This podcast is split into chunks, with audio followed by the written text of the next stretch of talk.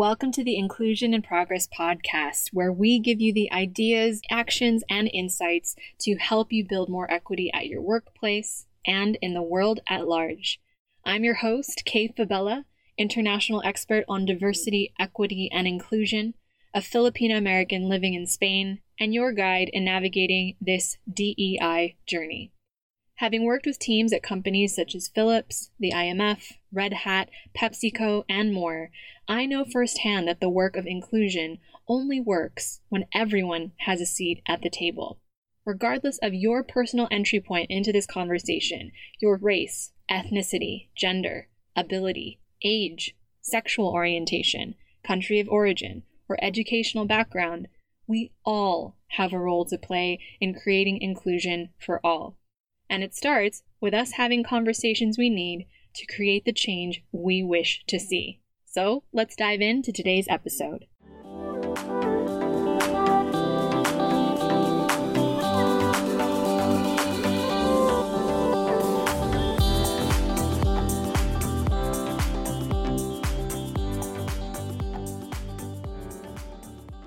Hey there, and welcome back to Inclusion in Progress. I am your host, Kay Fabella, and I'm excited to have you back with us on the show. So, I've already gotten quite a few really nice, really positive messages about last week's awesome episode with Minda Harts, the best selling author of The Memo. And I'm so glad you enjoyed the conversation as much as I did. When I was coming out of the D&I closet, so to speak, last year, after having done some work around it for companies, but not fully acknowledging or even owning my space as an advocate until recently. It was so encouraging to read her story, to see a voice like hers and an experience like hers that more paralleled and mirrored my own in the career and professional development space. So I'm super excited to see not just how quickly this little book that people told her had no audience, which is crazy, right? Has taken off, and how more importantly, companies like Estee Lauder and Twitter are inviting her to give keynote speeches and workshops about how they can do more to make women of color feel welcome in the workplace. It just goes to show you that underrepresented groups like ours are so hungry for stories that are a validation of our own experiences and ones that we can actively support and get behind. And I'm so happy that companies, particularly in the tech space, are taking notice of stories like Minda's. Which brings me to the topic of today's episode. We are smack in the middle of Black History Month, being February, which is becoming more important for companies to celebrate. Why? Well, I would like to think it's for ethical and social justice reasons, because, as we know, striving for equality, striving for inclusion, is far from achieving it. Because minority contributions, particularly like those of the Black community, are often ignored throughout the year and, if we're being honest, throughout history. So at least there is one month to highlight their achievements to underscore their existence and their importance to our society. At least once a year, we get to remember the names and faces of Harriet Tubman, Malcolm X, Rosa Parks, and Martin Luther King Jr.'s dream of a world that welcomes and treats everyone equally. But there is also a less altruistic reason that brands and organizations are paying attention to Black History Month According to a 2019 study done by Nielsen, in the US, black buying power will rise to as high as $1.5 trillion, driven by gains in population, in income, and education. The fact is that black consumers, especially black women, matter to companies like yours more than ever. Black women have growing economic and educational gains, which means that their spending behavior is influencing our markets and our brands and our how we even consume. They're also more quote unquote woke. There I am with my air quotes again. you can't see. I mean, their community did invent that term after all, and appropriation is a whole other episode we'll do another day. But for now, It's important to remember that this group pays more attention to which companies are making the world a better place, especially for their children. And therefore, they're more likely to make or break a brand in places like the UK or the US, which are more divided and racially charged than ever. Black women are also shown to be more savvy with technology than other consumers. They spend a huge amount of time on social networking sites, more so than other ethnic groups, and it's because they are engaging with brands, they're engaging with social causes, and of course with one another, sharing feedback with each other in their very tight knit communities. It goes without saying that if you win black women over and show them that you're committed to them without tokenizing them, I promise you their brand loyalty is likely for life.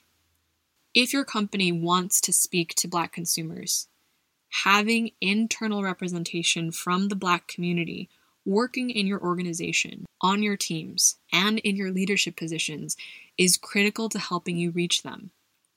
And of course, if you need help facilitating these types of conversations around diversity and inclusion, to attract and retain professionals from underrepresented populations like the Black community, please get in touch at the link in the show notes or go to Kayfabella, K A Y, F as in Frank, A, B as in boy, E L L A dot com I work with companies around the world, in the US, in the UK, and across Europe, in the finance or technology sectors, where diverse talent is critical to maintaining your innovative and competitive advantages. And we will come up with a bespoke solution that's tailored to your company's needs. No matter where you are on your diversity and inclusion journey, I can help. So, brands are definitely hopping on this Black History Month train to celebrate it, whether for social justice or PR reasons. And every year, there are the companies that do a wonderful job highlighting the achievements of Black culture. But there are also the companies that get it very, very wrong. I mean, the first one that comes to mind is do you remember the Gucci blackface sweater from last year, from 2019? Blah. It's just so awful and horrendous to think about because how many people had to sign off on that internally before that sweater made it to market? It just breaks my heart. It really makes me sad because that's what happens when there's a lack of empathy for or an accurate representation of the Black experience in the room making those decisions. Needless to say, I don't think any Black women that I know will be shopping at Gucci anytime soon. So, if your company is looking for ways to celebrate Black History Month to make your employees feel included and also show that you're actively working to make D&I a priority, here is what not to do. The first thing is to avoid celebrating at all. Honoring and celebrating Black History Month, even though the name says who it's for, is actually for everyone, no matter their race. And yes, I get it, you're probably wanting to avoid these uncomfortable conversations about race to begin with, because it brings up a lot of feelings of, I don't know what to say. I could get it wrong. I could get called out. But not acknowledging it at all also sends the message to your black employees internally that they're not included or that they don't belong. Doing something is better than nothing at all. And if you are stuck on ways for how to do it or what you can do to make your black employees feel included in the lead up to Black History Month, ask them survey your employees and ask them what they would like to see, or even give them the opportunity, invite them to step up and lead initiatives within your organization. And if you happen to be a Black employee who is often and only in the room, who often feels underrepresented, who would like to see more done during Black History Month, work to connect with someone in HR. They're not just there for problems, after all. Maybe you can find an executive sponsor or an advocate in the, your D&I department, or reach out to other people on your own team who could help support you in organizing events. It comes down to this concept that I really want to highlight on the show, which is around dual responsibility. Yes, as a leader and as a manager who is working to create an inclusive work culture, it is absolutely on you to show that you are willing to learn and willing to acknowledge and celebrate the groups that feel underrepresented, such as your Black employees. But it is also on you as the Black employee or as any employee from an underrepresented group who may feel that you're not as acknowledged or that something that is such an intrinsic part of your history, your ethnic identity, or your culture is being ignored, it's on you to step up and show up as the leader that we need you to be. And so, whatever initiatives that you can spearhead or even lean on from your HR department or from your corresponding employee resource group, do so. The second thing is only focusing on one hero or one part of the Black History Month narrative. I see this every year for Black History Month from my colleagues, or especially in the online space where I've spent the last six years. Yes, you see some people throw around a few Martin Luther King Jr. quotes, but he's only one example of Black achievement. A really, really fantastic example of a brand that I think did this right was Google had this amazing ad campaign at the beginning of this year in 2020 where they were highlighting Black achievement through their most popular global searches. I'm going to be sure to put a link to the video in the show notes because it was really amazing. But I loved how they said the most searched performance was Beyonce at Coachella. The most searched autobiography was Malcolm X. The most searched ballerina was Misty Copeland. The most searched athlete was LeBron James. The most searched poet was Maya Angelou. The most searched EGOT, Emmy, Grammy, Oscar, Tony winner, John Legend, and so on and so forth. There are so many examples of Black excellence and achievement that you can pull from, that you can highlight, that you can share. And if you're looking for those examples, because let's face it, many of them are often ignored or overlooked, ask for them from people who can give you that information, your own employees. Ask them to share with you other voices that they would like to see featured.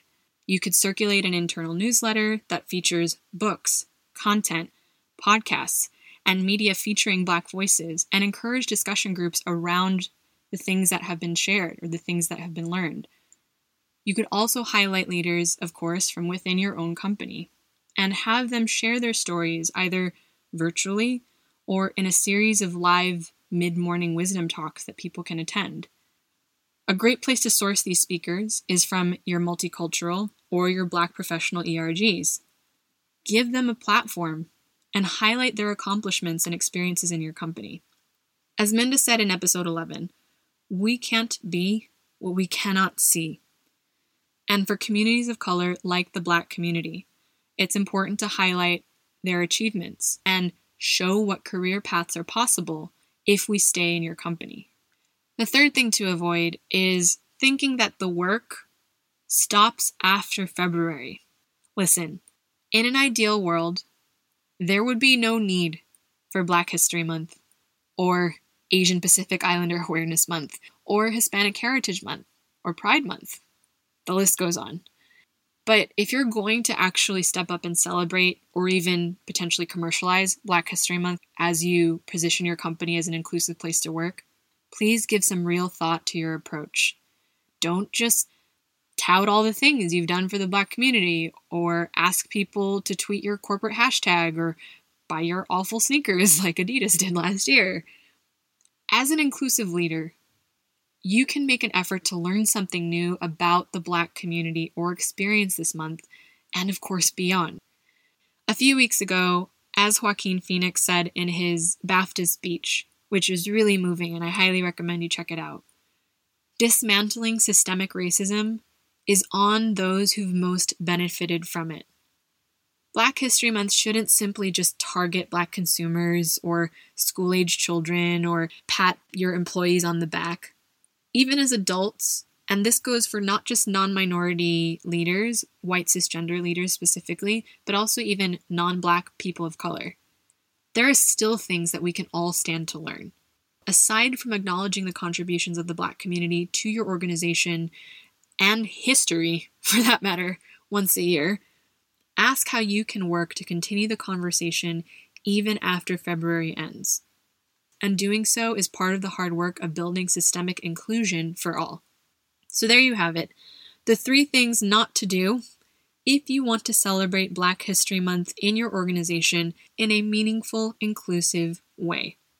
It is my belief that if we have more action takers more inclusive leaders like you speaking up for our underrepresented communities. Over time, we can change the company culture to reflect the inclusive world that we all want to thrive in. And of course, if you liked the episode, I would very much appreciate it if you subscribe, rate, and review the podcast, and share it with someone who you know would benefit. In the next episode, I'll be talking about daily micro actions that you can take to be a better ally to underrepresented groups in your company. It's by far the most highly requested topic that I'm getting from you guys, so I'm really excited to share it with you, and I hope you tune in with us next week. Thanks so much for joining us on the show, and see you next week on Inclusion in Progress.